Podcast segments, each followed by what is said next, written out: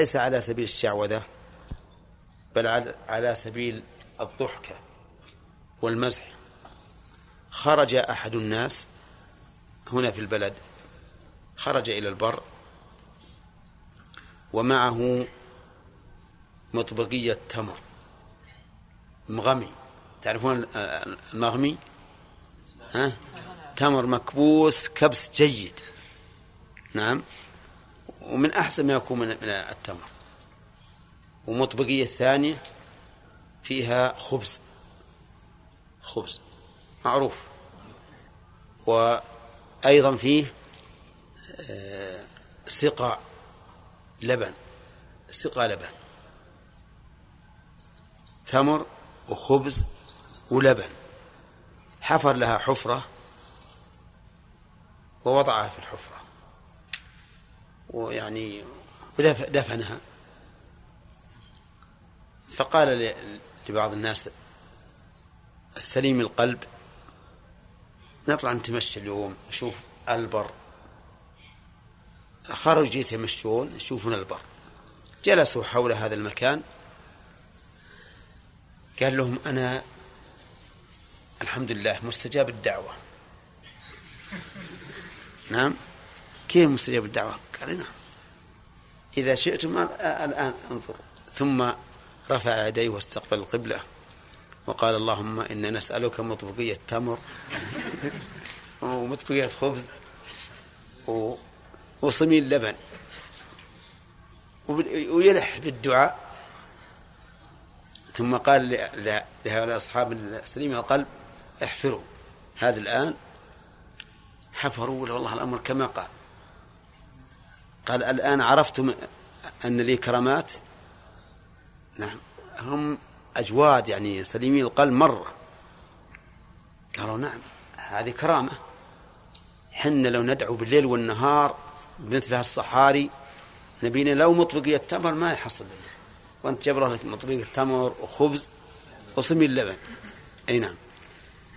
هذه ربما يعني هي عبارة عن لعبة بالعقول لكنها لعبة بشيء محسوس لأن الرجل خرج ودفنه وظهر الأمر كما كما دعا.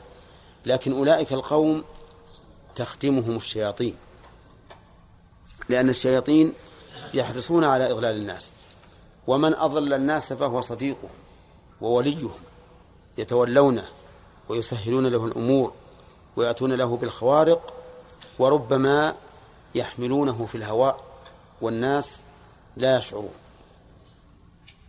حتى إن بعض الناس يقول شيخ الإسلام إن بعض الناس يتصور بصورتي ويقوم ويخطب الناس ويقول أنا شيخ الإسلام من تيمية ويقول ما قال من الباطل بناء على أنه شيخ الإسلام من تيمية. الشياطين تساعدهم في ذلك. هل هذا كرامة؟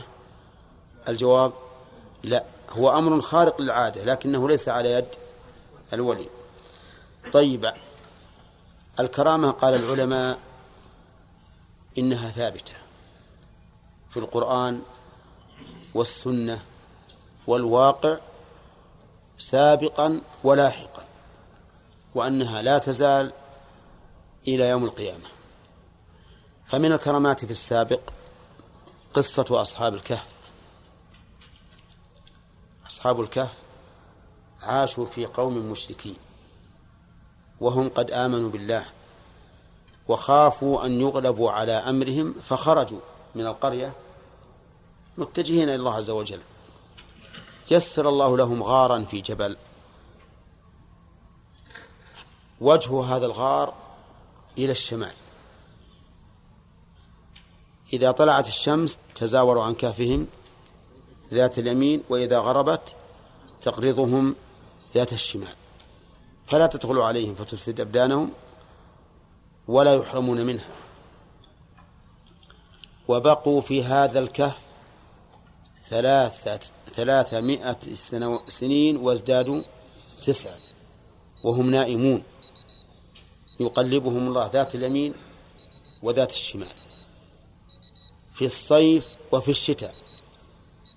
لم يزعجهم الحر ولم يؤلمهم البرد ولا جاعوا ولا عطشوا ولا ملوا من النوم. ثلاثمائة وتسع سنوات. هذه كرامة ولا لا؟ والله كرامة. من يستطيع ينام هذا النوم بدون أكل ولا شرب ولا غطاء ولا وطأ؟ من كرامة الله عز وجل؟ حتى بعثهم الله وقد زال الشرك عن هذه القرية وسلموا من الشرك. مريم رضي الله عنها أيضا أكرمها الله. بماذا؟ حيث أجاءها المخاض إلى جذع النخلة. جذع نخلة. وأمرها الله أن تهز بجذعها. وتتساقط رطبا جنيا. من يصدق أن امرأة نفس في المخاض تهز بجذع النخلة؟ مو برأسها لأن ما صعدت. الهز بالرأس ممكن لكن هز من الجذع هذا مستحيل.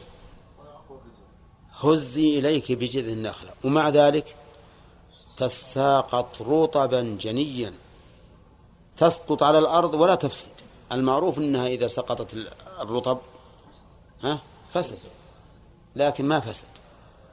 رطب جني يعني مجني من أحسن الجنايات أو من أحسن الجنى على الصواب. من أحسن الجناء فكلي واشربي وقري عينا. نعم. غذاء بدني وغذاء روحي. كلي واشربي للبدن. قري عينا في القلب. نعم لا تخاف ولا تحزن. هذا أمر مستحيل أن يقع عادة. هذا من من من من, من الكرامات. نعم الذي أماته الله مئة عام ثم بعثه كرامة. أما في في في السنة فالكرامات كثيرة وكذلك هي باقية إلى يوم القيامة. البخاري. في في العقيدة.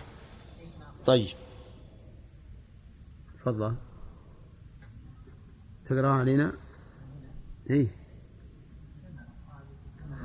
ها؟ تعال. هنا بس أظن قصير هو أوه.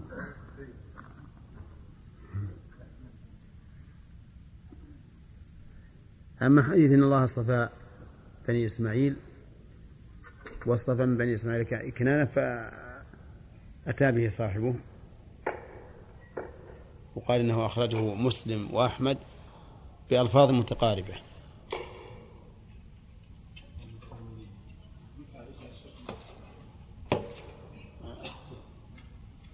حديث أخرجه البخاري وغيره.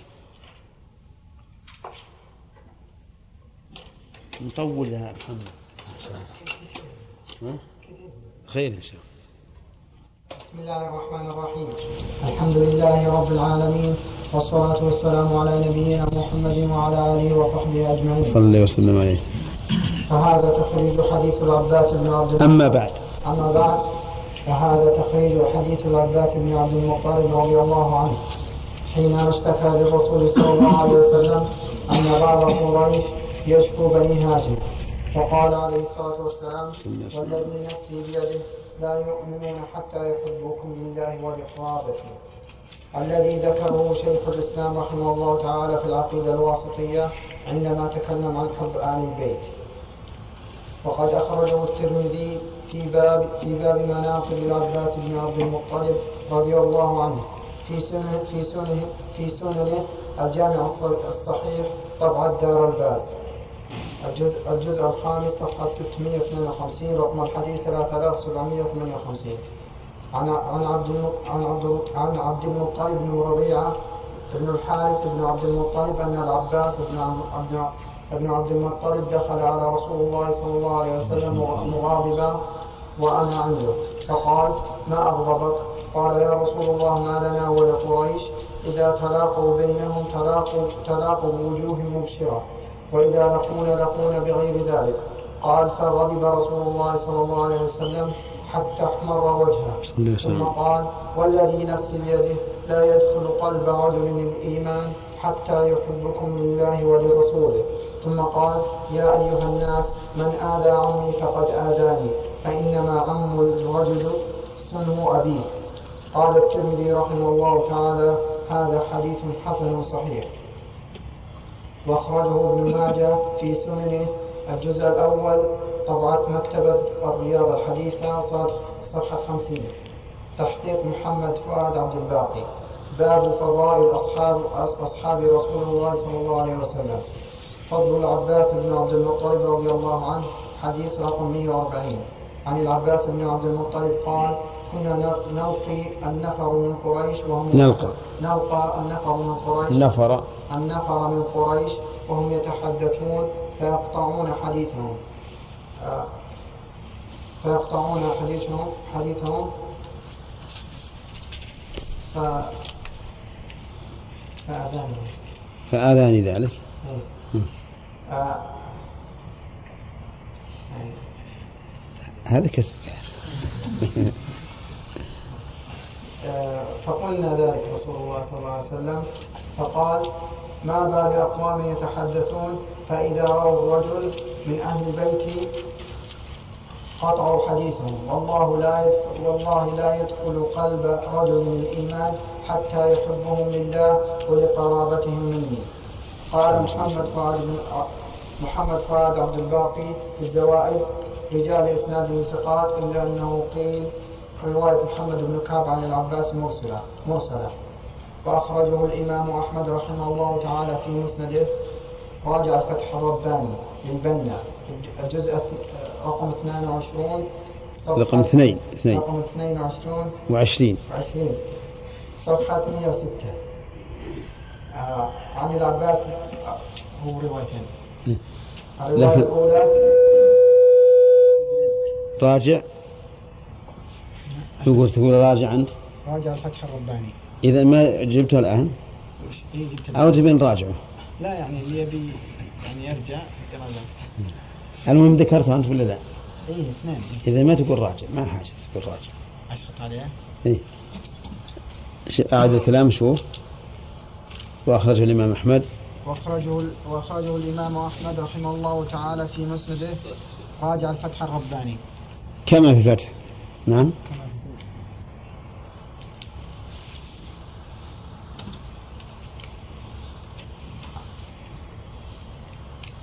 الرواية الأولى عن العباس بن المطلب بن عبد المطلب قال قلت يا رسول الله إن قريشا إذا لقى بعضهم بعضا لقي. لقي بعضهم بعضا لقوهم ببشر ببشر حسن وإذا لقونا لقونا بوجوه لا نعرفها. قال فغضب النبي صلى الله عليه وسلم غضبا شديدا وقال والذي نفسي بيده لا يدخل قلب قلب رجل الإيمان قلبا قلب رجل الإيمان حتى يحبكم لله ولرسوله. والرواية الثانية من طريق ثاني ثاني عن عبد المطلب بن ربيعة قال دخل العباس على رسول العباس العباس على رسول الله صلى الله عليه وسلم فقال يا رسول الله إنا نخرج فنرى قريشا تحدث تحدث تحدث. تحدث فإذا رأونا سكتوا. فغضب رسول الله صلى الله عليه وسلم ودر عرقا اللهم صل وسلم عليه. نعم. بين عينيه ثم قال والله لا يدخل قلب امرئ الإيمان حتى يحبكم لله ولقرابته وأخرجه الحاكم رحمه الله تعالى في مستدرك في مستدركه.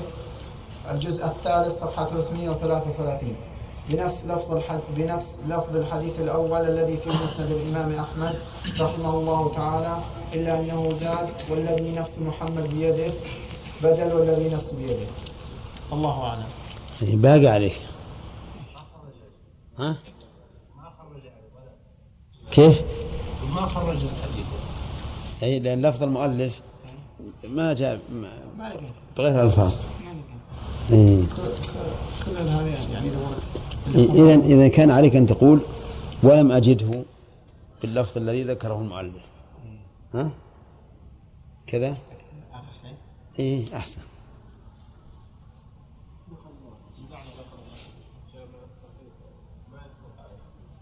ها؟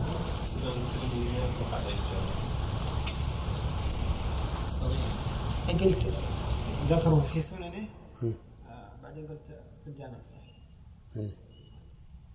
يمكن صحيح الجامع لا لا الجامع الصحيح. إيه. السنن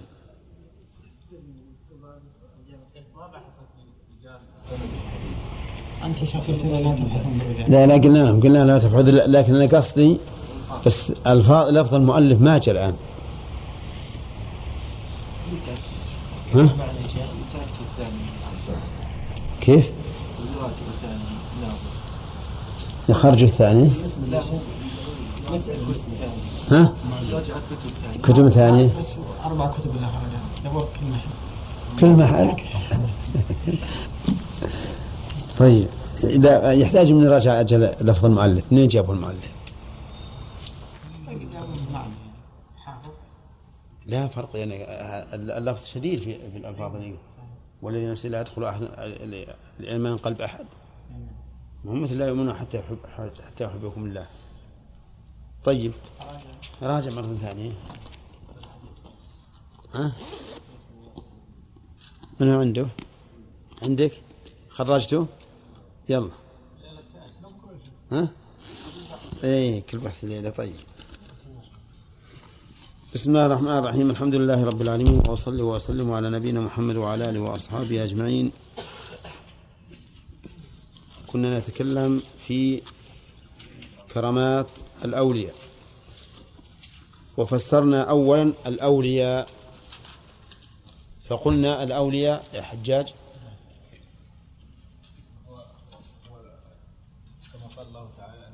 الأولياء من عرفنا جمع ولي. ولي والولي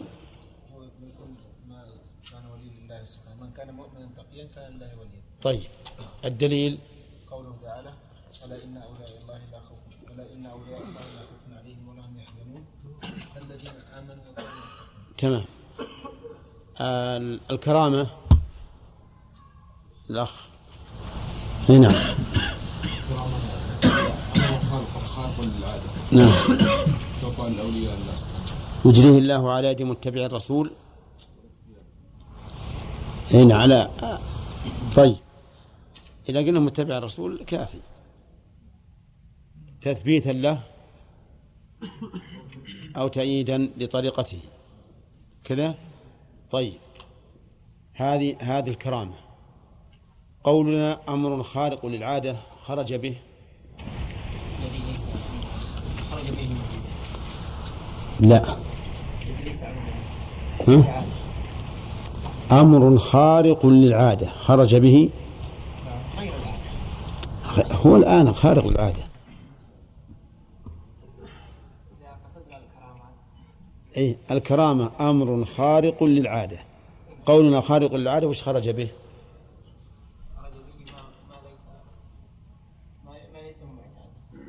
ما ليس بمعتاد؟ لا. نعم. نعم خرج به ما وافق العادة. ما وافق العادة. طيب. ها؟ وش مثاله؟ اي الجانب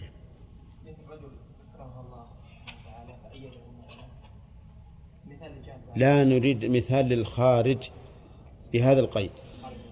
أي للخارج بهذا القيد. أمر خارج للعادة خرج به ما كان موافقا للعادة فليس بكرامة. نريد الموافق للعادة. الموافق للعادة؟ نعم. أن يقول الرجل غدا الشمس تطلع في الساعة وتخرج كما قال. هذا ليس ليس بكرامة. لماذا؟ لأنه موافق للعادة. زين. يجريه الله تعالى على يد متبع الرسول. خرج به. خرج به الشعوذة. آه طيب. وش بعد أيضا؟ وخرج به أيضا.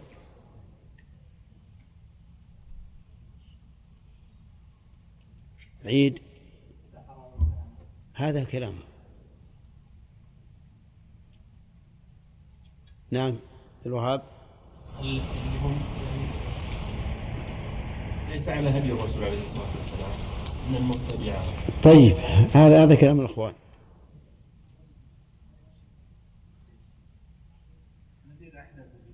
نعم. لا. يا اخواني ذاكرين خرج به المعجزة. لأن المعجزة أمر خارق للعاده يجيه الله على يد من؟ الرسول. مهم متبع الرسول. فكلمة متبع الرسول خرجت بها المعجزة لأنها على يد الرسول وخرج بها الشعوذة والسحر لأنه على غير يد متبع الرسول. واضح؟ طيب قولنا تثبيتا له وكرامة أو تأييدا للحق. يعني أن الكرامة تكون إما تثبيتا لهذا الولي وتكريما له وإما تأييدا للحق الذي هو عليه. مثال الأول الذي يكون تكريما للولي يعني مجرد تكريم للولي والتثبيت.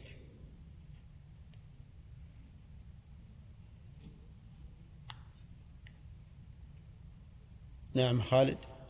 ووقع الحضرمي رضي الله عنه حينما ألقي في النار. فخرج منها سليم لم يستقي أبدا. لكن هذا ما هو بتأييد الحق. تأييد نريد أن يكون مجرد كرامة للشخص وتثبيت.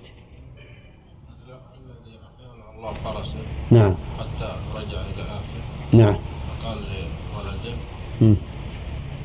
انزل والسر من فوق ف- الفرس فإنه علي أحسنت.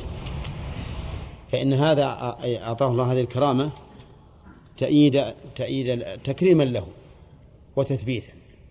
أما التأييد الحق فهي التي فيها نصرة الحق كما جرى العلاء بن حضرمي من مشيه على الماء ولسعد بن أبي وقاص وغيره طيب الكرامة هل هي موجودة فيما سبق أو في من سبق هذه الأمة؟ محمد؟ موجودة يعني في الأمم السابقة التي بعد موجودة في الأمم السابقة؟ نعم موجودة. مثل. المعجزات والإكرام الكرامة. آه، ما ذكرناها. لا إله إلا الله. أنا قايل لكم يا أخواني لا عمركم تقولون ما ذكرناها. إلى نسأل واحد منكم حط الشيء حطه بينا. ما ذكرناها. طيب يا عادل. الذي مر على قرية خاوية على عروشها نعم. فماته الله مئة عام. أي نعم. هذا كان قبل أمة قبل الإسلام. زين. وغير أصحاب الكهف وقصة مريم وقصة أصحاب الغار وقصة الثلاثة الأقرص والأبرص والأقرع والأعمى. نعم. كثير. نعم. لا إحنا ذكرنا بعضها. ذكرنا بعضها وشرحنا كيف كانت الكرامة لمريم.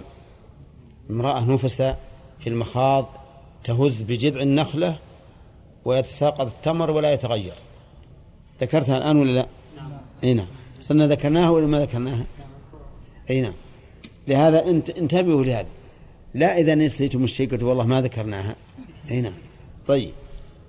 آه يقول المؤلف رحمه الله التصديق بكرامات الأولياء.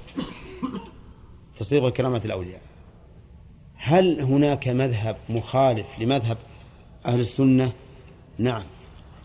هناك مذهب المعتزلة وغيرهم ينكرون الكرامات. وقل ما فيه كرامات؟ ليش؟ قال لأنك لو أثبتت الكرامات لاشتبه الولي بالنبي والنبي بالساحر ونحوه لأن الكل أمر خارق للعادة. شوف كيف التشبيه والتلبيس. فيقال لا يمكن الالتباس لأن الكرامة على يد من؟ ولي. والمعجزة نبي على يد نبي. والشعوذة والسحر على يد عدو. بعيد من من ولاية الله. فمصدر هذه الأشياء الخارقة للعادة ينظر فيه. ولا يشتبه مصدر النبوة ومصدر الولاية ومصدر العداوة. لا يمكن يشتبه. بينهما فروق بينة واضحة ليس فيها اشتباه. طيب الكرامة. قال العلماء كل كرامة لولي فهي معجزة للنبي الذي اتبعه. لأن الكرامة شهادة من الله عز وجل أن طريق هذا الولي طريق صواب صحيح وعليه فكل كرامة لولي فهي معجزة للنبي وإن شئت فقل فهي آية للنبي لأن الآية أولى من المعجزة كما ذكر ذلك الشيخ الإسلام ابن تيمية رحمه الله. طيب. إذن هذه قاعدة. كل كرامة لولي فهي آية للنبي الذي اتبعه. وعلى هذا فما جرى من الكرامات للأولياء من هذه الأمة فإنها آيات لرسول الله صلى الله عليه وسلم. يتبرع عن ذلك تصديق ما قاله بعض العلماء. حيث قال ما من آية لنبي من الأنبياء السابقين إلا ولرسول الله صلى الله عليه وسلم مثلها. فأورد عليهم قيل لهم إن الرسول عليه الصلاة والسلام لم يلقى في النار فيخرج حيا سالما كما حصل ذلك لإبراهيم. فقالوا جرى ذلك لأتباع الرسول عليه الصلاة والسلام. وإذا أكرم أتباع الرسول عليه الصلاة والسلام بجنس هذه هذا الأمر الخارق للعادة دل ذلك على أن دين النبي صلى الله عليه وسلم حق لأنه مؤيد بماذا؟ بجنس هذه الآية التي حصلت لإبراهيم قالوا ولم يفلق البحر للنبي عليه الصلاة والسلام وقد فلق لموسى وقومه. فأجيبوا بأنه حصل لهذه الأمة فيما يتعلق بالبحر شيء أعظم مما حصل لموسى وهو المشي على الماء لأن موسى مشى على أرض يابسة لكن هؤلاء مشوا على الماء الماء جوهر سيال مائع لا يحمل من فوقه. يعني لا بد أن ينزل من فوقه ومع ذلك حمل الصحابة بخيلهم ورجلهم. وهذا أعظم من أن تكون أن يكون الماء كالجبال والأرض يابسة يمشي عليها. واضح؟ قالوا وموسى من آياته إحياء الموتى. عيسى نعم من آياته إحياء الموتى. قلنا وهذا قد وقع لأتباع الرسول عليه الصلاة والسلام كما في قصة الرجل الذي أشار إليه الشيخ الإسلام ابن تيمية الذي أحيا الله له فرسه حتى بلغ أهله. فهذا إحياء إحياء الموتى. طيب إبراء الأكمة والأبرص. نعم. هذا حصل. حصل من النبي عليه الصلاة والسلام أشياء عظيمة. أبو قتادة لما جرح في أحد ندرت عينه حتى صارت على خده. فجاء النبي صلى الله عليه وسلم فأخذها بيده ووضعها في مكانها. وصارت أحسن عينيه. هذه آية من آيات الله من أعظم الآيات. فالمهم أن جنس الآيات التي كانت للسابقين للأنبياء السابقين كان منها من من جنسها للنبي صلى الله عليه وسلم أو لأمته. قال المؤلف التصديق بكرامات الأولياء وما يجري الله على أيديهم. فيه قبل نتجاوز الكرامات كرامات الأولياء. قلنا إنها تكون تأييدا للشخص وتثبيتا له أو نصرا للحق. ولهذا كانت الكرامات في في التابعين أكثر منها في الصحابة لأن الصحابة عندهم من التثبيت والتأييد والنصر ما يستغنون به عن الكرامات. فإن الرسول عليه الصلاة والسلام كان بين أظهرهم. أما التابعون فإنهم دون ذلك ولذلك كثرت الكرامات في زمنهم تأييدا لهم وتثبيتا. ونصرا للحق الذي هم عليه. قال وما يجري الله على أيديهم من خوارق العادات. خوارق جمع عاد جمع خارق. طيب والعادات معروفة. وهذه الكرامات لها ثلاثة دلالات. الدلالة الأولى كمال قدرة الله عز وجل. حيث حصل هذا الخارق للعادة بأمر الله. ثانيا التكذيب القائلين بأن الطبيعة هي اللي تفعل. لأنه لو كانت الطبيعة هي اللي تفعل لكانت الطبيعة على نسق واحد ما تتغير. فإذا تغيرت العادات والطبيعة دل على أن للكون مدبرا وخالقا. ثالثا أنها آية للنبي المتبوع كما أسلفنا قليلا قريبا. رابعا أن فيها تثبيتا وكرامة لهذا الولي. كل هذا يستفاد من هذه الكرامات.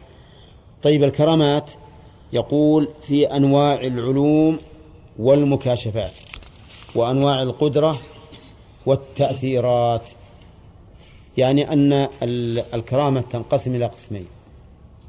قسم يتعلق بالعلوم والمكاشفات وقسم آخر يتعلق بالقدرة والتأثيرات. أما العلوم والمكاشفات فأن يحصل للإنسان من العلوم ما لا يحصل لغيره. والمكاشفات أن يظهر له من الأشياء التي يكشف له عنها ما لا يحصل لغيره. مثال الأول ما ذكر عن أبي بكر رضي الله عنه أن الله أطلعه على ما في بطن زوجته. الحمل الذي في بطن زوجته. أعلمه الله بأنه أنثى. وأما الثاني المكاشفات فمثل ما حصل لأمير المؤمنين عمر بن الخطاب رضي الله عنه حين كان يخطب الناس يوم الجمعة على المنبر. فسمعوه يقول يا سارية الجبل يا سارية الجبل. فتعجبوا من هذا الكلام. ثم سألوه عن ذلك فقال إنه كشف له عن سارية بن زنيب وهو أحد قواده في العراق. كشف له عنه وأنه محصور من عدوه فوجهه إلى الجبل وجهه عمر وقال له يا ساري الجبل. فسمع سارية صوت عمر وانحاز إلى الجبل وتحصن به. هذه من الأمور من أمور المكاشفات. لأنها أمر واقع لكنه بعيد فكشف لأمير المؤمنين عمر عنه. أما بالنسبة لكونه آية للرسول عليه الصلاة والسلام فكما تعلمون في غزوة مؤتة كان النبي عليه الصلاة والسلام يتحدث عن القوات الثلاثة فيقول أخذها زيد فقتل وأخذها جعفر فقتل وأخذها عبد الله بن رواحة فقتل وأخذها خالد بن الوليد ففتح الله عليه عليه أو قال على يده. هذه من إيش؟ من المكاشفات. المهم من الكرامات قد تكون علوما ومكاشفات وقد تكون قدرة وتأثيرات. ذكر بعض العلماء أو بعض مشايخنا على الأصح أن ما أكرم الله به شيخ الإسلام ابن تيمية من العلوم يعتبر من الكرامة. لأن شيخ الإسلام رحمه الله أعطاه الله من العلوم ما لم يحصل لمن سواه. لأن عنده علوم عقلية وعلوم نقلية وبيان وقوة حجة. حتى إنه قيل ما لم ينقطع يوما من الدهر مع من يناظره أبدا. ما من إنسان يناظر شيخ الإسلام إلا وينقطع دون شيخ الإسلام. وهذه لا شك أنها من كرامات الله عز وجل للعبد. بعض الناس عند المناظرة ينقطع في أول إيراد ولا قضت المناظرة يوم يأتي ولا عنده من الردود أكثر مما عند صاحبه. لكن ما, راحت عليه وقت المناظرة.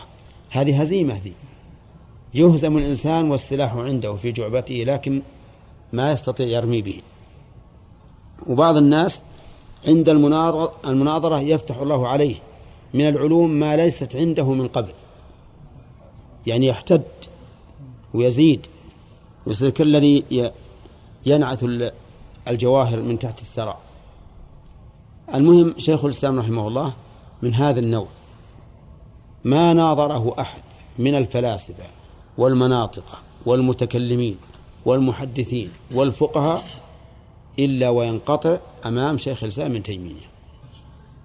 حتى إنه من العجب يأتي بالأدلة من كلام هؤلاء علي عليهم. ما هو بيجيب دليل من عنده؟ من كلامهم هم.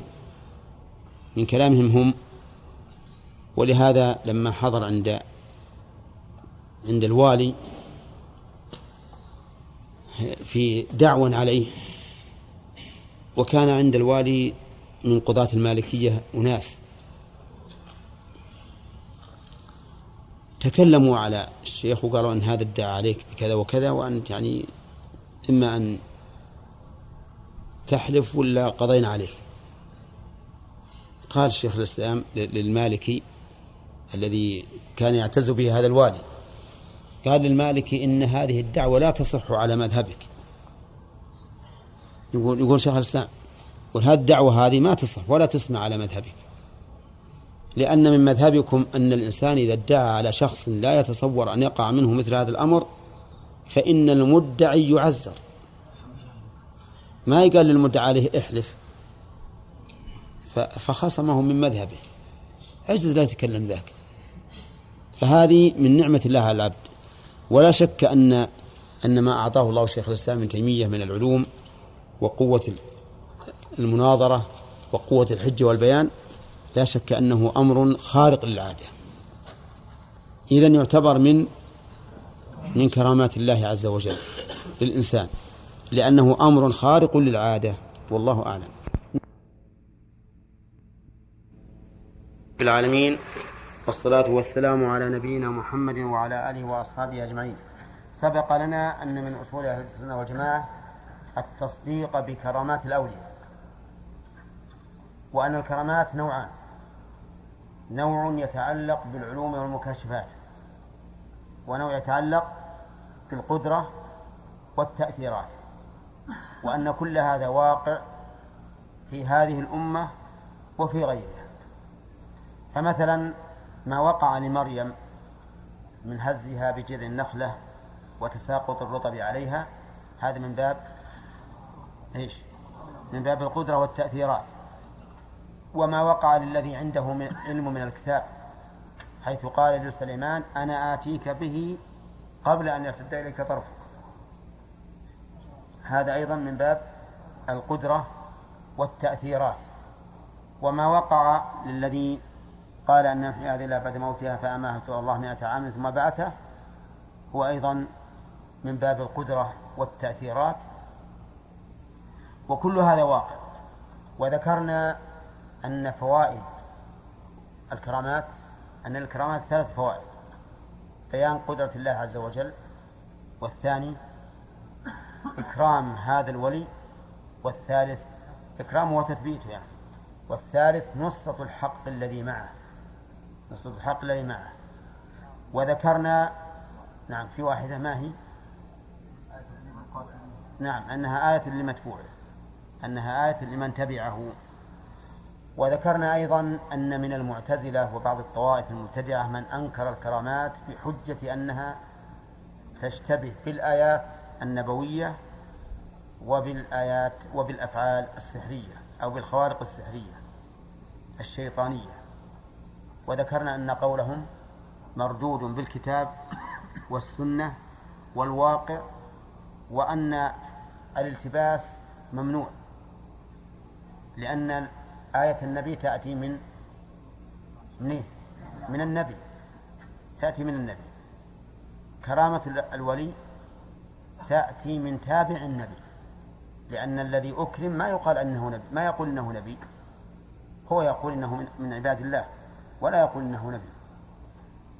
أما الخوارق السحرية الشيطانية فإنها لا تأتي من ولي ولا تأتي من نبي. تأتي من ولي للشياطين. وغالبا ما تأتي بالاصطناع والتعرض لها. بخلاف الكرامة. كرامة تأتي من الله بدون تعرض لها إلا اللهم إلا من دعاء أو شبه. طيب. الكرامات موجودة فيما سبق من الأمم ولا لا؟ ها؟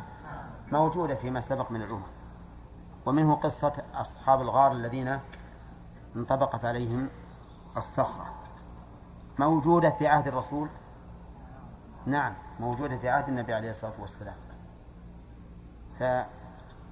فقصة سيد بن حضير وغيره من الصحابة وتكثير الطعام عند بعض الصحابة رضي الله عنهم وما أشبه ذلك كل هذه من الكرامات.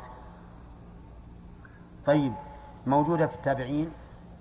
موجودة. وأنا الآن أذكر لكم الرجل الذي دعا الله أن يحيي له فرسه هو صلة ابن ابن أشير طيب.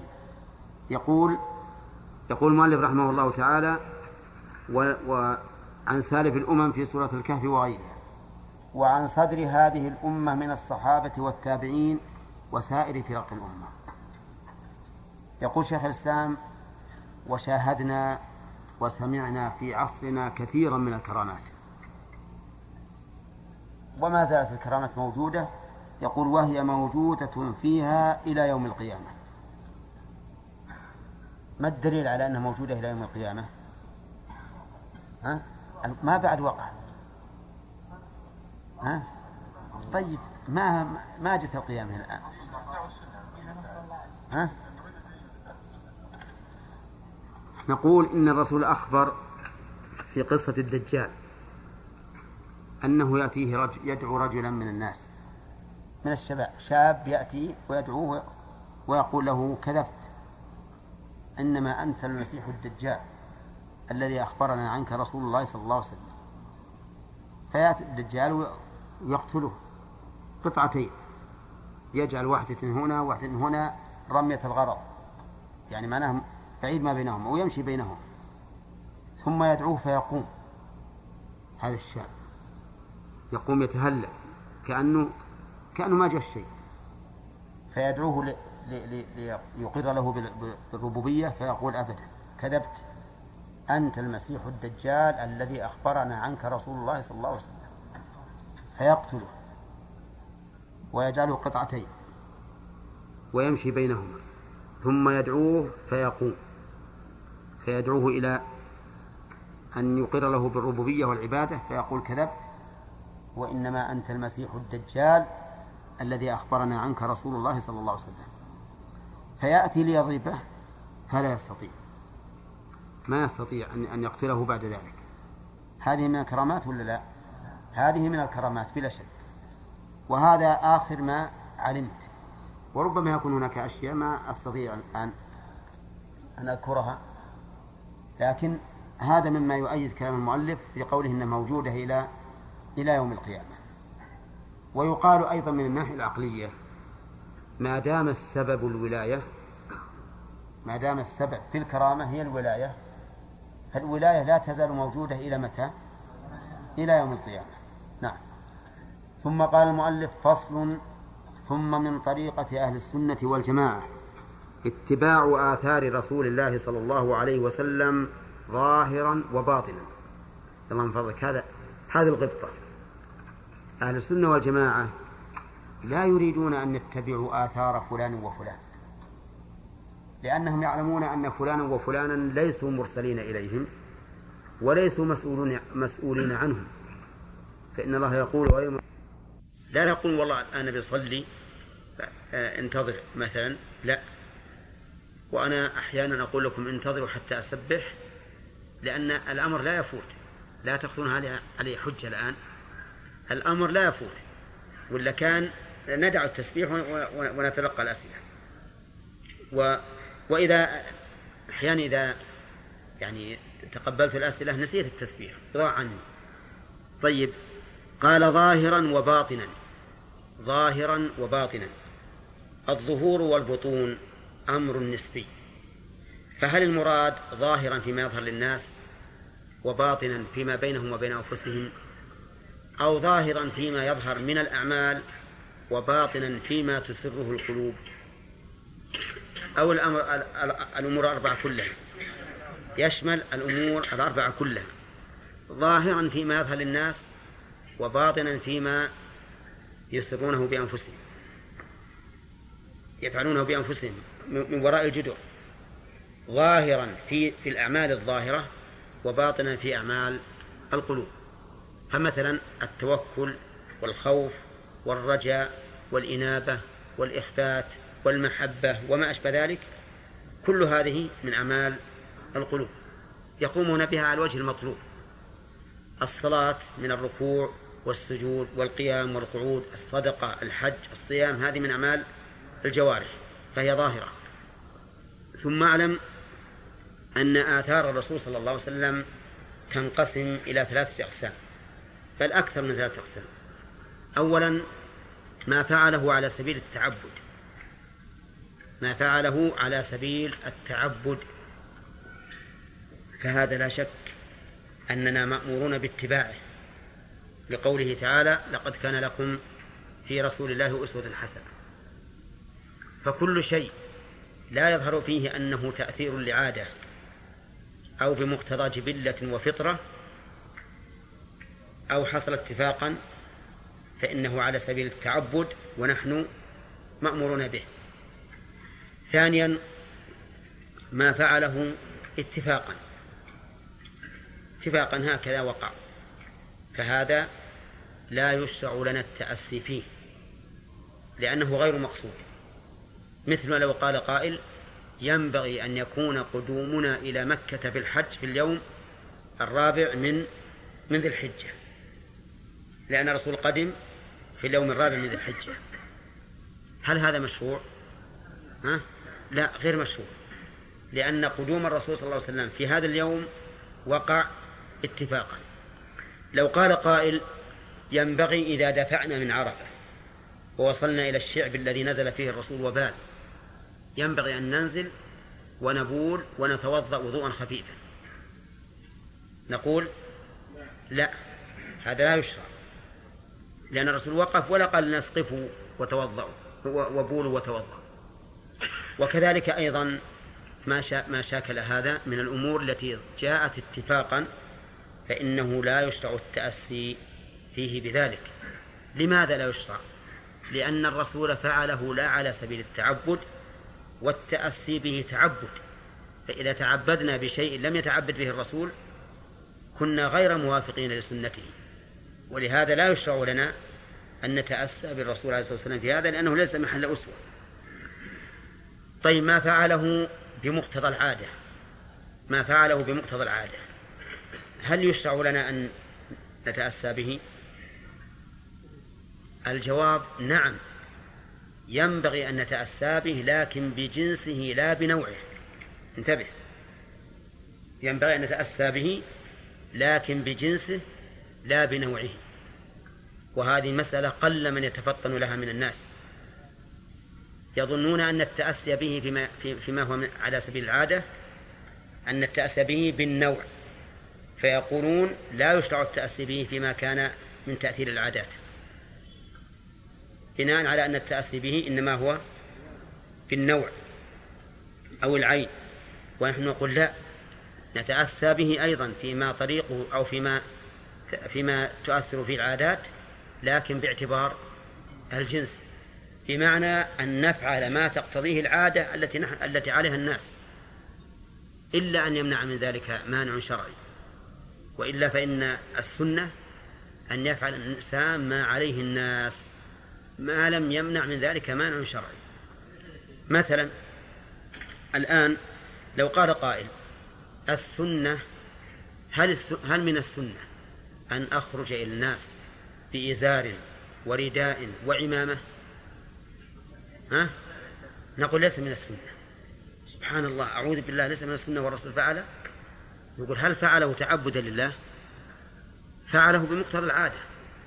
فالسنة إذن أن نفعل ما اعتاد الناس حتى لا نخرج حتى لا نخرج بشهرة. ولهذا نهى النبي صلى الله عليه وسلم عن لباس الشهرة الذي يشتهر به الناس ويخرج عن عادته عن عادتهم لو أننا مثلا أردنا أن نلبس لباس الهنود مثلا ونحن من أهل نجد. وخرج الإنسان في الصباح جاء للدرس ولا والله الرجل هندي. نعم. هل هذا مشروع؟ هذا ليس بمشروع. ليش؟ لأن العادة ما دام الرسول صلى الله عليه وسلم يخضع للعادات في مثل هذه الأمور فالسنة اتباع العادة. أنا أعتقد والعلم عند الله. لو أن الرسول صلى الله عليه وسلم كان في وقته يلبس الناس غير هذا اللباس للبس مثله. هذا الذي أعتقده. والعلم عند الله عز وجل. إذا نتبع العادة ما لم تخالف الشرع. لو جاء واحد يقول والله الناس الآن تمدنوا وكثرت أموالهم وجرت العادة أنهم يخلون المسلح يسحب وراهم شبر. والقميص نصف شبر. والسروال سنتي. بالترتيب. المشلح شبر. والقميص نصف شبر. والسروال ربع شبر. ما يخالف. نعم. إذا كان هذه العادة عادة الناس أو عادة طبقة معينة من الناس هل هذا سنة؟ هذا ما يجوز لأن الشرع نهى عنه. أو لو قال والله جرت عادة الناس الآن أنهم يلبسون الحرير. أن رجالهم يلبسون الحرير. قلنا هذا لا يجوز لأن الشرع نهى عنه. لكن كلامنا فيما لم ينهى عنه الشرع فإن السنة فيه اتباع العادة. هذا السنة لئلا يلبس الإنسان لباس شهرة. والرسول صلى الله عليه وسلم نهى عن لباس الشهرة. طيب فك الإزرار فك الإزرار من الثوب. هل هو سنة أو لا؟ ها؟ لا شك أنه ورد عن الرسول عليه الصلاة والسلام أنه جاءه أحد الصحابة وأظنه معاوية. والله نسيت وش اسم أبيه. نعم. معاوية بن قرة مدري المهم اسمه معاوية. فوجده قد آه، فتح إزاره عليه الصلاة والسلام. فهل نقول إن هذا سنة؟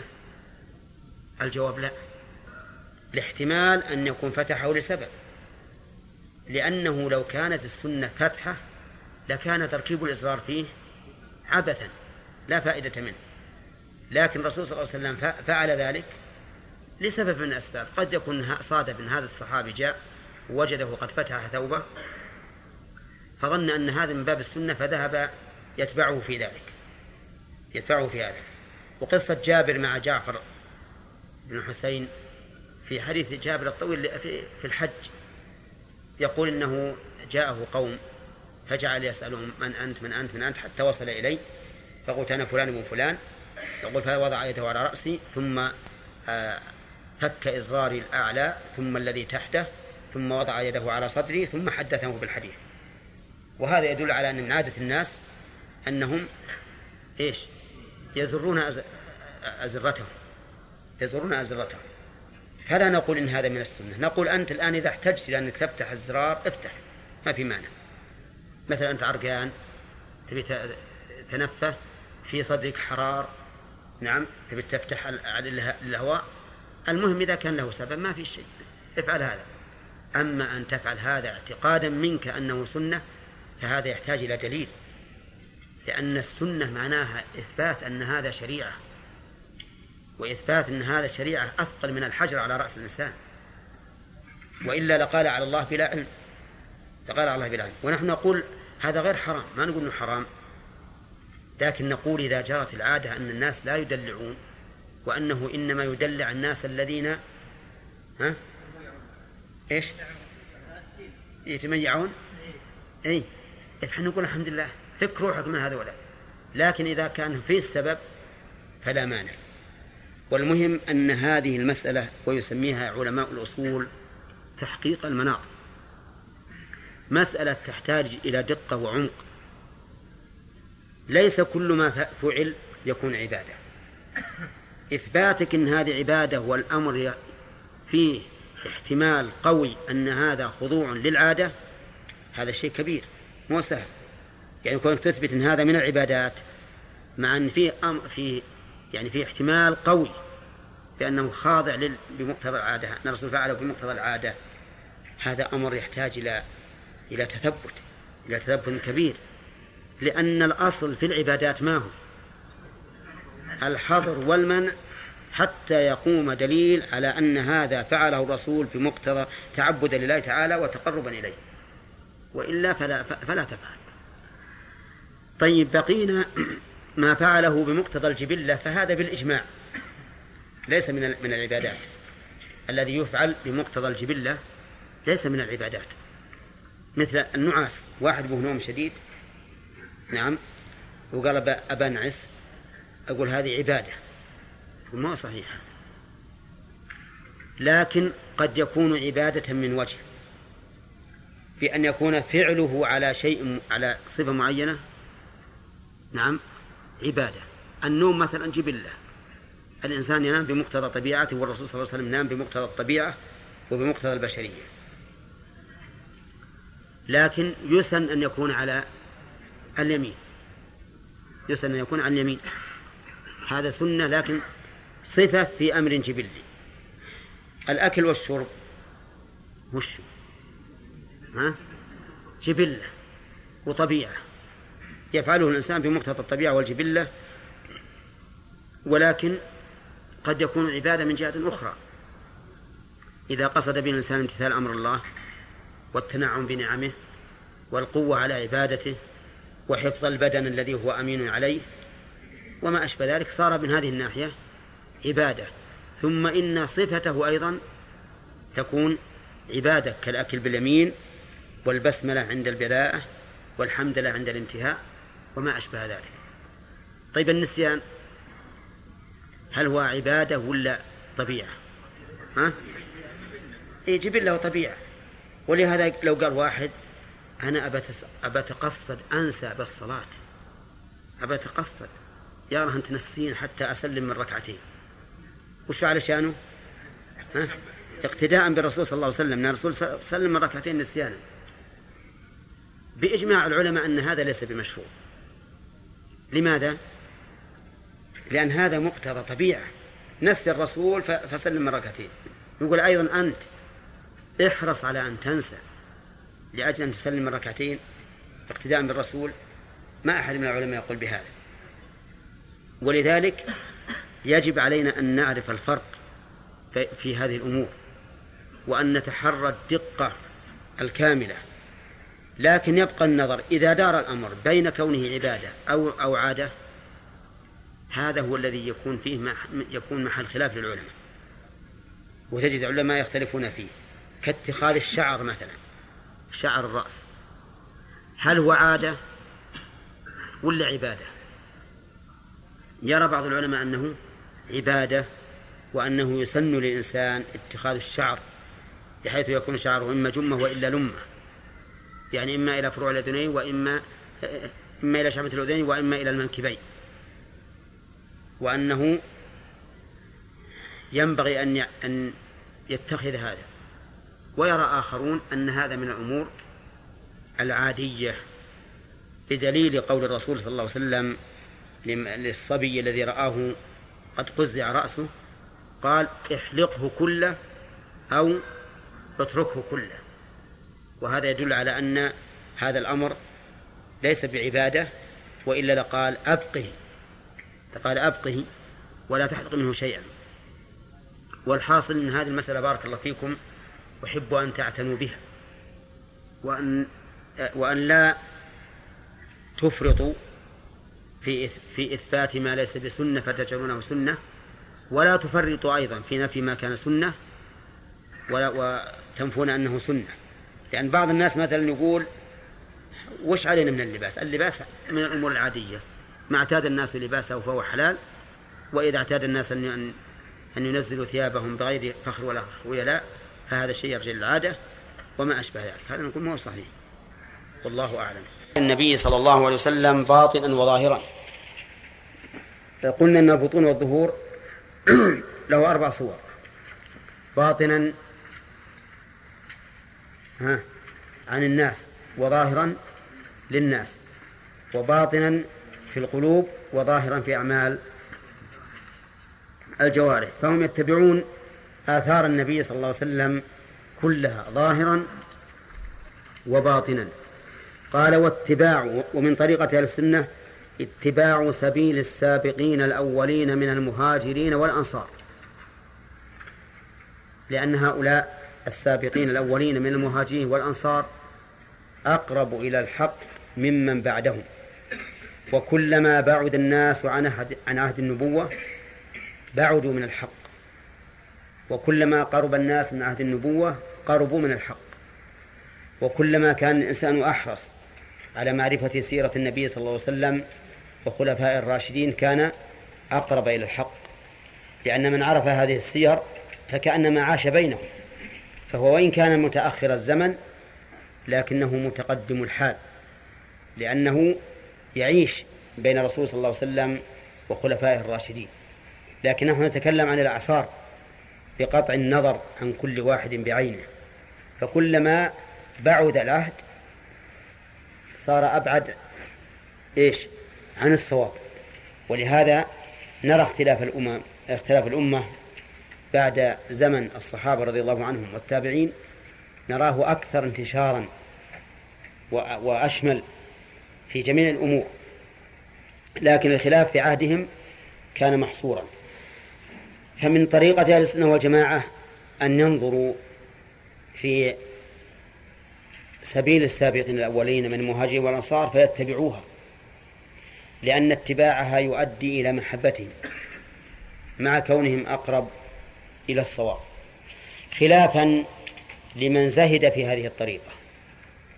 وصار والعياذ بالله يقول هم رجال ونحن رجال ولا يبالي بخلافهم. وكأن قول أبي بكر وعمر وعثمان وعلي كأنه قول فلان وفلان من أواخر الأمة. وهذا خطأ خطأ وضلال. أنا لست أقول إن قول أبي بكر وعمر وعثمان يقدم على قول محمد صلى الله عليه وسلم لا. لكن أقول إن قولهم يقدم على قول غيرهم بلا شك. هم أقرب إلى الصواب من عدة وجوه من جهة ما عندهم من الإيمان وما عندهم من العلم وما عندهم من الفهم السليم وما عندهم من التقوى والأمانة وما لهم من صحبة الرسول عليه الصلاة والسلام. كل هذه الأوجه الخمسة توجب أن يكون قولهم في شريعة الله أقرب إلى الصواب ممن بعدهم. الآن مثلا تجد واحد من الناس تقول هذا قول أبي بكر هذا قول عمر هذا طيب قول أبو بكر وعمر وشو ما هم رجال؟ بلى. معصومون؟ لا. إذن لا عبرة بقوله. كيف النتيجة؟ إحنا ما نقول إن قولهم حجة ملزمة لكن نقول قولهم أقرب إلى الصواب. والله لو تأملت كلام السابقين الأولين من المهاجرين والأنصار لوجدت أنه أقرب إلى الصواب وأقل تكلف وأعمق كما قال ابن مسعود رضي الله عنه.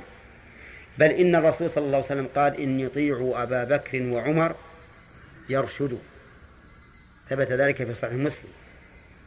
فبين الرسول عليه الصلاة والسلام أن طاعة هذين الرجلين رشد والرشد ضد الغي. طيب يقول واتباع وصية النبي صلى الله عليه وسلم حيث قال عليكم بسنتي وسنة الخلفاء الراشدين المهديين من بعدي. تمسكوا بها وعضوا عليها بالنواجذ. وإياكم ومحدثات الأمور. اللي قال لنا هالكلام من؟ الرسول عليه الصلاة والسلام. عليكم بسنتي وسنة الخلفاء الراشدين المهديين من بعدي. أول من يدخل بهذا الوصف وأولى من يدخل فيه الخلفاء الأربعة. أبو بكر وعمر وعثمان وعلي. ثم يأتي واحد. يأتي واحد. عليه منظار أسود. وأعور العين. ليس له إلا عين واحدة. ثم يقول أذان الجمعة الأول بدعة. بدعة يا ولد؟ قال نعم. ما هو معروف على عهد الرسول عليه الصلاة والسلام؟ سنه أمير المؤمنين عثمان؟ نعم. لكن لا لا نعبأ به. لأن هذا غير موجود بعهد الرسول. هذا بدعة ويجب أن نقتصر على الأذان الثاني فقط. يا رجل صحح النظر. عليك منظار أسود وعين ولا تنظر إلا بعين واحدة. فكر. نعم. لكن هو يقول لا. وين الرسول عن هذا عن, عن هذا عن هذا ما ما شرعه؟ نعم. شوف كيف الاعتداء والعياذ بالله. عثمان رضي الله عنه السنة هل قام أحد من الصحابة الذين هم أعلم منك وأغير منك على دين الله؟ هل قام ينابذه؟ يقول لا. لما أتم الصلاة في في في منى أنكروا عليه. حتى أن ابن مسعود استرجع لما قيل له إنه صلى أربعا.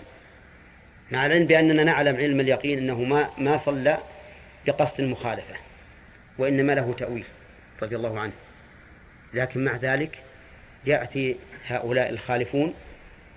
نعم فخلف من بعدهم خلف. أقول خالف. يأتي هؤلاء الخالفون ثم يقول يتكلمون في مثل هذه الأمور. نعم. وما أحرى أن يقال له ليس هذا بعشك فادرجي. نقول عثمان رضي الله عنه أحد الخلفاء الراشدين المهديين الذين أمر رسول الله صلى الله عليه وسلم باتباعهم فمعصية لك وتبا لك. نطيع رسول الله ولا نطيعك.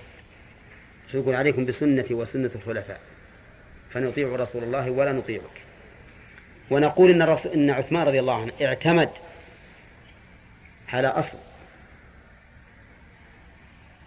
أذن بلال قبل الفجر لا لصلاة الفجر ولكن ليرجع القائم ويوقظ النائم.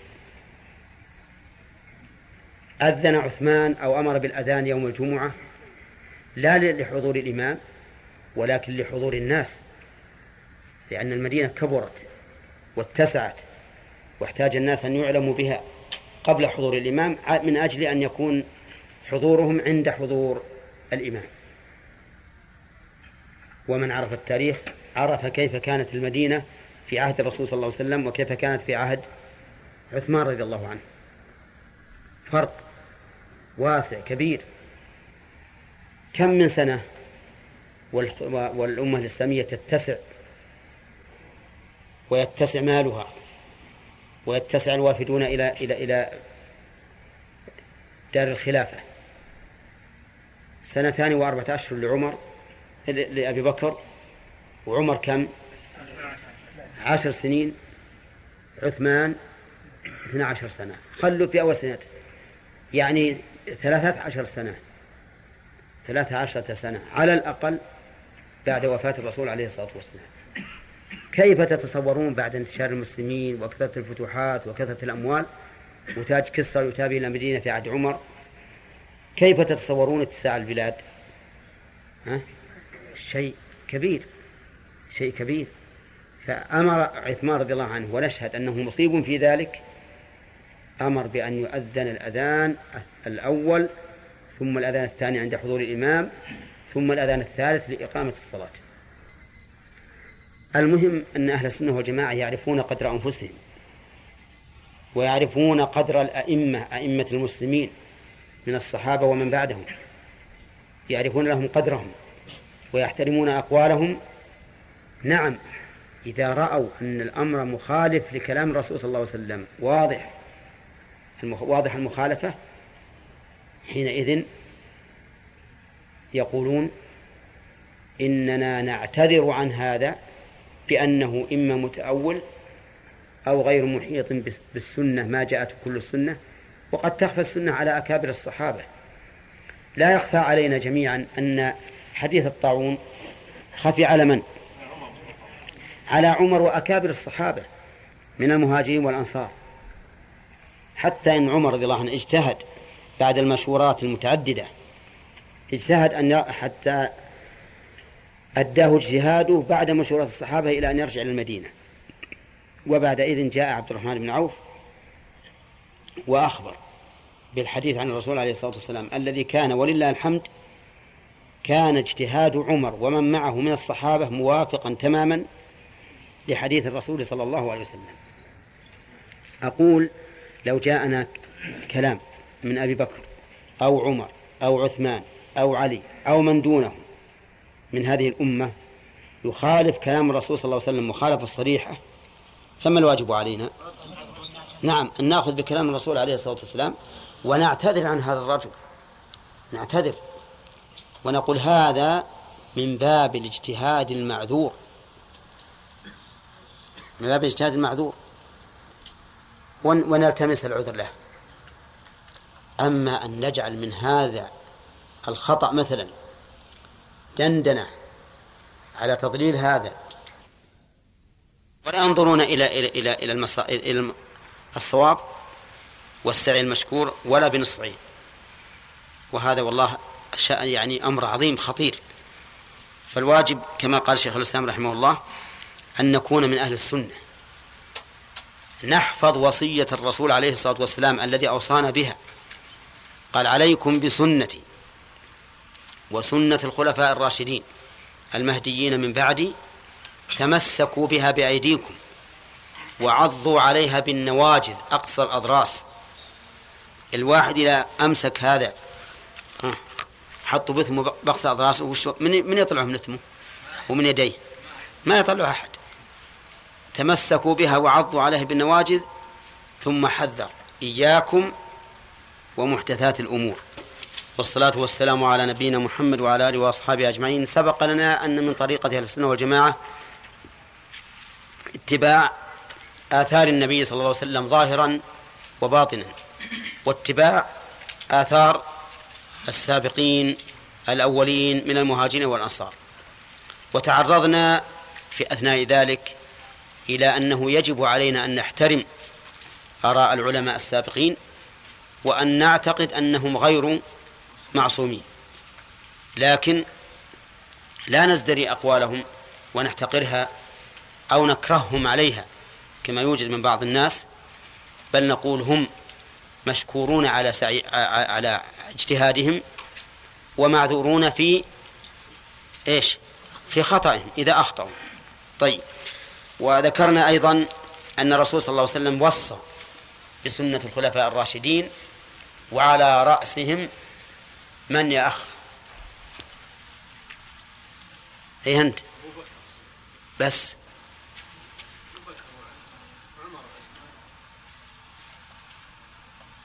وعلي وعلي والصحابة والتابعين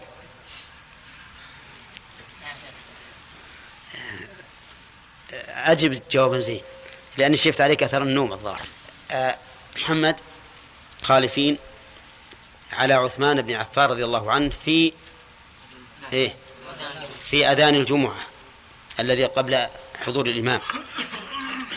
وقلنا إن بعض الناس قال هذا بدعة ولا نقبله ونرفضه.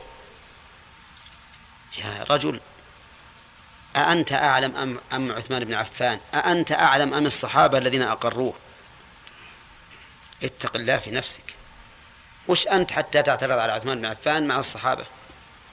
ولا لا؟ وقلنا إن عثمان رضي الله عنه له أثر في ذلك. وهو قول الرسول عليه الصلاة والسلام في أذان بلال قبل الوقت قال إيش؟ ليوقظ نائمكم ويرجع قائمكم. أي نعم. طيب ثم قال المؤلف في وصية الرسول صلى الله عليه وسلم قال وإياكم ومحدثات الأمور. إياكم هذه للتحذير. يعني أحذركم. كأنه قال إياكم أحذر وفعل محدثات الأمور.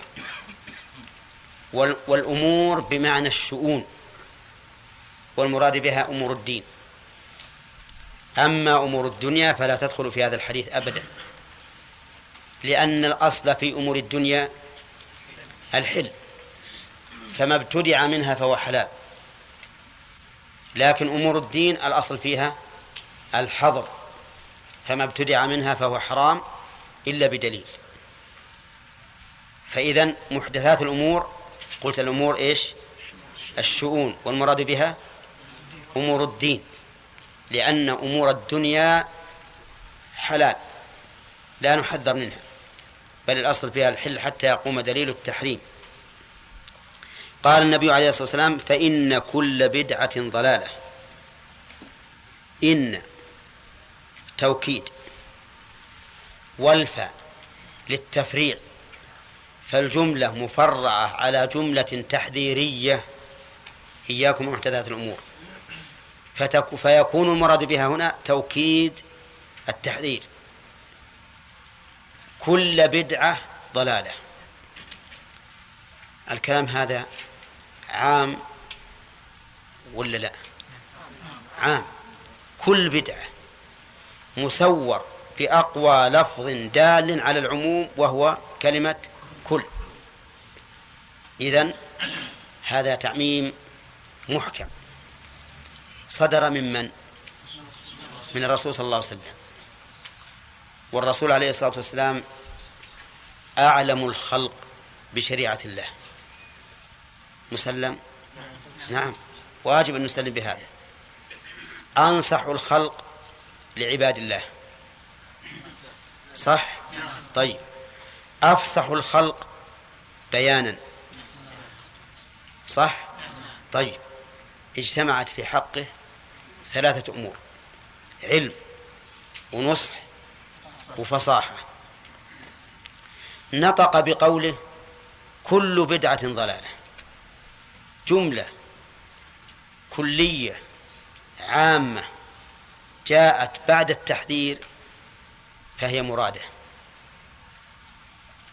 وعلى هذا كل من تعبد لله بعقيدة أو قول أو فعل لم يكن من شريعة الله فهو مبتدع. كل من تعبد بعقيدة. الجهمية يتعبدون بعقيدتهم؟ نعم. يعتقدون أنهم منزهون لله وأن هذا هو التنزيه والتوحيد. المعتزلة كذلك الأشاعرة كذلك. يتعبدون لله بما هم عليه من عقيدة. طيب الذين أحدثوا أذكارا معينة مئة أو مئتين أو ألف أو ألفين يتعبدون الله بذلك ولا لا؟ نعم يتعبدون الله بذلك. يعتقدون أنهم مأجورون على هذا. طيب الذين أحدثوا أفعالا يتعبدون الله بها ألف ركعة ألفين ركعة وما أشبه ذلك. هذا هؤلاء أيضا يتعبدون بهذه الأفعال. كل هذه الأصناف الثلاثة الذين ابتدعوا في العقيدة أو في الأقوال أو في الأفعال كل بدعة من من بدعهم فهي ضلالة. ضلالة. لماذا وصفها الرسول بالضلالة؟ لأنها جهل. جهل مركب. ولأنها انحراف عن الحق. لأن البدعة بارك الله فيكم تستلزم محاذير فاسدة باطلة. أولا تستلزم تكذيب قول الله تعالى اليوم أكملت لكم دينكم. لأنه إذا جاء ببدعة جديدة معناه أن الدين ما كمل. محتاج إلى هذه البدعة. وهذا يستلزم تكذيب هذه الآية. ونحن إذا قلنا يستلزم هل يلتزم به من, من, من أحدث؟ قد لا يلتزم لكن هو يستلزم لا شك. ثانيا يستلزم القدح في الشريعة وأنها ناقصة. كل الذي سبق هذه البدعة من الناس كلهم دينهم ناقص. الصحابة دينهم ناقص التابعون دينهم ناقص. إلى أن يأتي زمن هذه البدعة فيكمل الدين. وهذا خطير ولا لا؟ خطير. لأننا الآن نضلل كل من سبق هذه البدعة.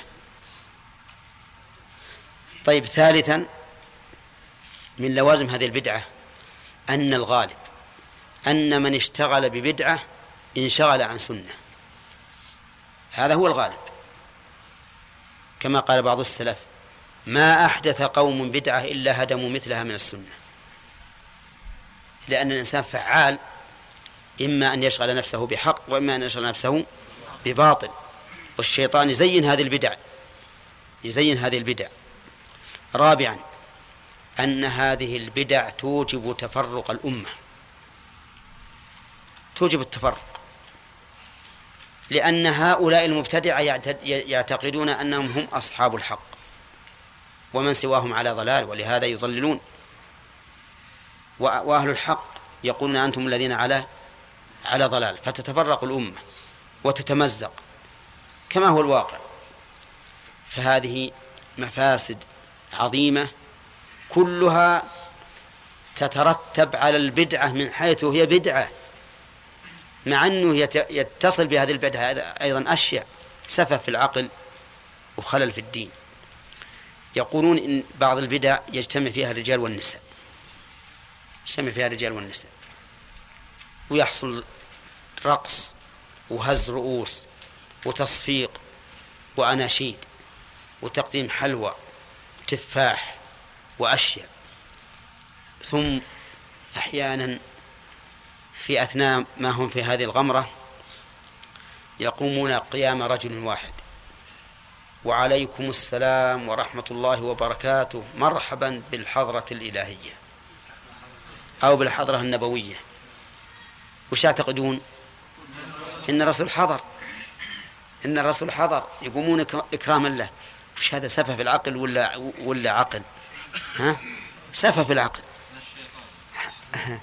لا الشيطان ما يتمثل به لكن خلل خبل الحقيقة. على كل حال ما لنا ولهم الآن نرجع إلى قول الرسول صلى الله عليه وسلم كل بدعة ضلالة ونحن بينا أنها ضلالة من وجوه أربعة. لكن الرسول صلى الله عليه وسلم يتكلم بكلام يعلم معناه ويعلم ما يترتب عليه وهو أنصح الخلق وأفصح الخلق. وبهذا نعرف أن من قسم البدعة إلى أقسام خمسة أو ستة أو ثلاثة فقد أخطأ. أخطأ خطأ لا شك فيه. وخطأه من أحد وجهين. إما أن لا إما أن لا ينطبق وصف البدعة على ما ابتدع وإما أن لا يكون حسنا كما زعم. لا يخرج عن هذا. كل من ابتدع بدعة وقال إنها حسنة فنقول إن هذا لا يخرج عن أحد أمرين. ما هما؟ إما أن لا إما أن لا تكون هي البدعة الشرعية التي قال الرسول عنها إنها ضلالة وإما أن تكون حسنة في ظنه ولكنها في الواقع ضلالة. ما يخرج عن هذا أبدا. عرفتم هذا؟ كل إنسان يبتدع بدعة حسنة نقول لا يمكن. أبدا. فإما أن لا تكون بدعة شرعية وإما أن لا تكون حسنة. أما أن يصدق عليها أنها بدعة وحسنة فهذا لا يمكن. لماذا؟ الرسول عليه الصلاة والسلام يقول كل بدعة ضلالة كل. وش اللي يخرجنا من هذا السور العظيم؟ حتى نقسم البدع إلى أقسام. فإن قلت مرحبا بكلامك وما أحسنه لكن لست أعلم من أمير المؤمنين عمر رضي الله عنه. حين خرج على الناس وهم يصلون بإمامهم في رمضان. فقال نعمة البدعة هذه. فأثنى عليها وسماها بدعة. أثنى عليها وسماها بدعة. وين أنت من فهم عمر؟ تقدر تقول أنا أفهم من عمر؟ ها؟ ما تقدر. لو قلت أنا أفهم من عمر قلنا كذبت ألف مرة. ما أنت بأفهم من عمر. لكن انظر ماذا قال عمر. نعمة البدعة هذه ال للعهد والبدعة اللي حصل شوف هذه هذه محصورة بدعة محصورة بأل وهذه إشارة محصورة. ننظر ما هذه البدعة اللي حصلت. نشوف. ثبت أن النبي صلى الله عليه وسلم صلى بأصحابه في رمضان ثلاث ليال. جماعة. ثم تركه خوفا من أن تفرض خوفا من أن تفرض إذا ثبت أصل المشروعية ولا لا؟ ثبت أصل المشروعية. انتفى أن تكون بدعة شرعية. انتفى أن تكون بدعة شرعية. ولا يمكن نقول بدعة وهو الرسول قد صلاها ولا يمكن لعمر أن يصفها بأنها بدعة ويقصد البدعة الشرعية والرسول قد صلاها. هذا شيء مستحيل. أليس كذلك؟ طيب. انتفى أنها بدعة. إذن كيف سماها بدعة؟ يقول لأن الناس تركوها. حين تركها الرسول عليه الصلاة والسلام تركوها وصاروا لا يصلون جماعة بإمام واحد صاروا يصلون أوزاعا الرجل وحده والرجلان والثلاثة والرهط كل يصلي وحده. ولهذا لما كان الرسول معتكفا ذات يوم وسمع أصحابه يصلون ويجهرون بالقراءة. فرفع الستر وقال كلكم يناجي ربه فلا يجهرن بعضكم على بعض في القرآن. واعتكاف الرسول كان في إيش؟ في رمضان. بقي الناس على هذا زمن أبي بكر وصدرا من خلافة عمر. فخرج رضي الله عنه ذات ليلة. فقال لو أني جمعت الناس على إمام واحد لكان أحسن. وهو صحيح أحسن ولا لا؟ أحسن من كونهم اوزاعا متفرقين.